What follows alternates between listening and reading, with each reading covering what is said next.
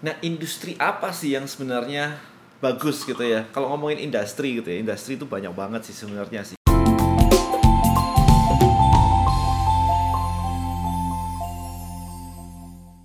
Kemarin ketika saya belajar di Russell di luar negeri gitu ya, ada tiga biggest niche yang evergreen, yang gede banget, yang nggak pernah hilang nih kayaknya selama manusia masih ada gitu kan. It's health, wealth, relationship. Jadi sekitar itu lah mau health mau mau diet lah mau penampilan mau beauty whatever pokoknya health around that.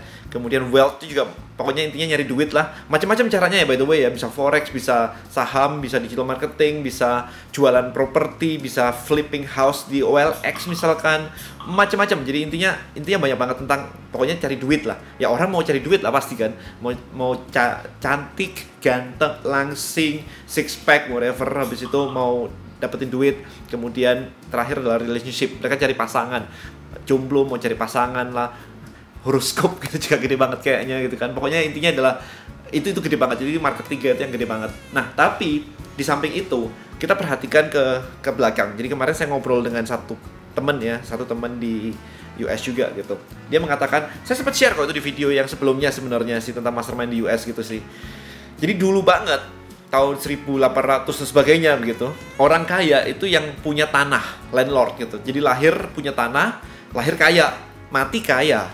Tapi problemnya adalah yang lahir miskin, mati miskin, gak, gak bisa kaya gitu kan. Nah habis itu mulai zaman itu berubah ke zaman industri, di mana zaman industri itu yang bikin pabrik dan sebagainya. Bisa orang lahir nggak punya pabrik, tapi setelah umur 70-80 mereka punya pabrik. Jadi butuh waktu yang lama untuk mengumpulkan duit untuk mengumpulkan modal sampai membangun sebuah pabrik. Jadi gede banget. Tapi bisa at least. Meskipun jaraknya panjang banget, itu bisa. Nah, setelah zaman itu, mulai sekitar 1940-an, 50-an maybe, itu zamannya distribusi. Jadi mulai bermunculan kayak retail-retail kayak Walmart dan sebagainya gitu. Jadi mulai banyak tempat distribusi. Karena mungkin dari barang dari pabrik, industri harus didistribusikan kan di seluruh negara kayak begitu. Jadi mereka yang membangun sistem itu, itu mulai itu yang kaya gitu tren ekonominya seperti itu. Nah, kemudian baru sekitar tahun 1970 80 itu teknologi mulai naik. Teknologi mulai naik, mulai ada komputer, mulai ada PC dan sebagainya. Jadi yang bikin-bikin kayak begitu itu gede banget.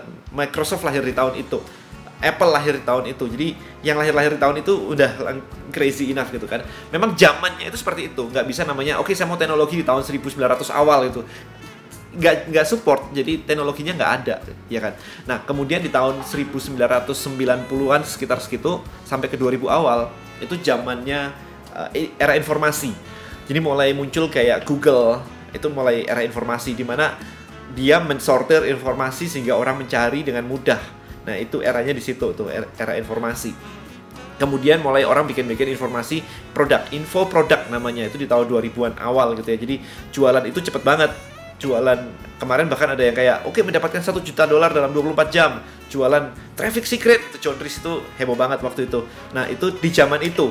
Zaman sebelumnya kagak ada karena orang nggak bisa nyari juga ya kan? Nah sekarang zaman sekarang itu adalah zaman kolaborasi zaman platform zaman zaman kerjasama seperti itu. Makanya mulai mulailah muncul kayak Airbnb di sini ada Gojek ada Uber Tokopedia juga kan platform kan. Jadi dia membuat platform untuk menemukan antara si penjual dan pembeli gitu. Jadi so that's the idea. Trennya itu seperti itu. Jadi digabungkan sekarang gimana caranya menggabungkan dua hal tadi antara health, wealth, relationship sama platform. Ini lagi zamannya ke sana, lagi bikin software dan sebagainya.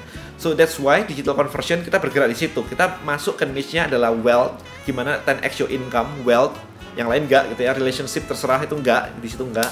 Tapi kita gabungin juga nih dengan yang namanya platform atau software ini. Jadi kita bikin di situ.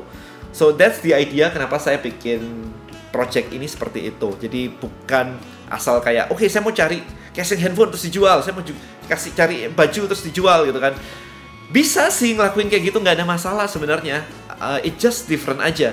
Lihat aja sekarang top Forbes terkaya yang di Indonesia yang paling muda-muda semuanya kan Traveloka apalagi itu Tokopedia Bukalapak Gojek udah empat itu platform semua kan so that's the idea untuk ngikutin tren tuh maksudnya kayak begitu. Trennya masih panjang sih. Bukan tren yang kayak oh ini lagi zamannya trennya fidget spinner diputer-puter laku tapi cuma sebulan doang. Bukan yang gitu, tapi tren yang lebih ke makronya itu yang harus diperhatikan. So, that's the idea untuk memilih bisnis.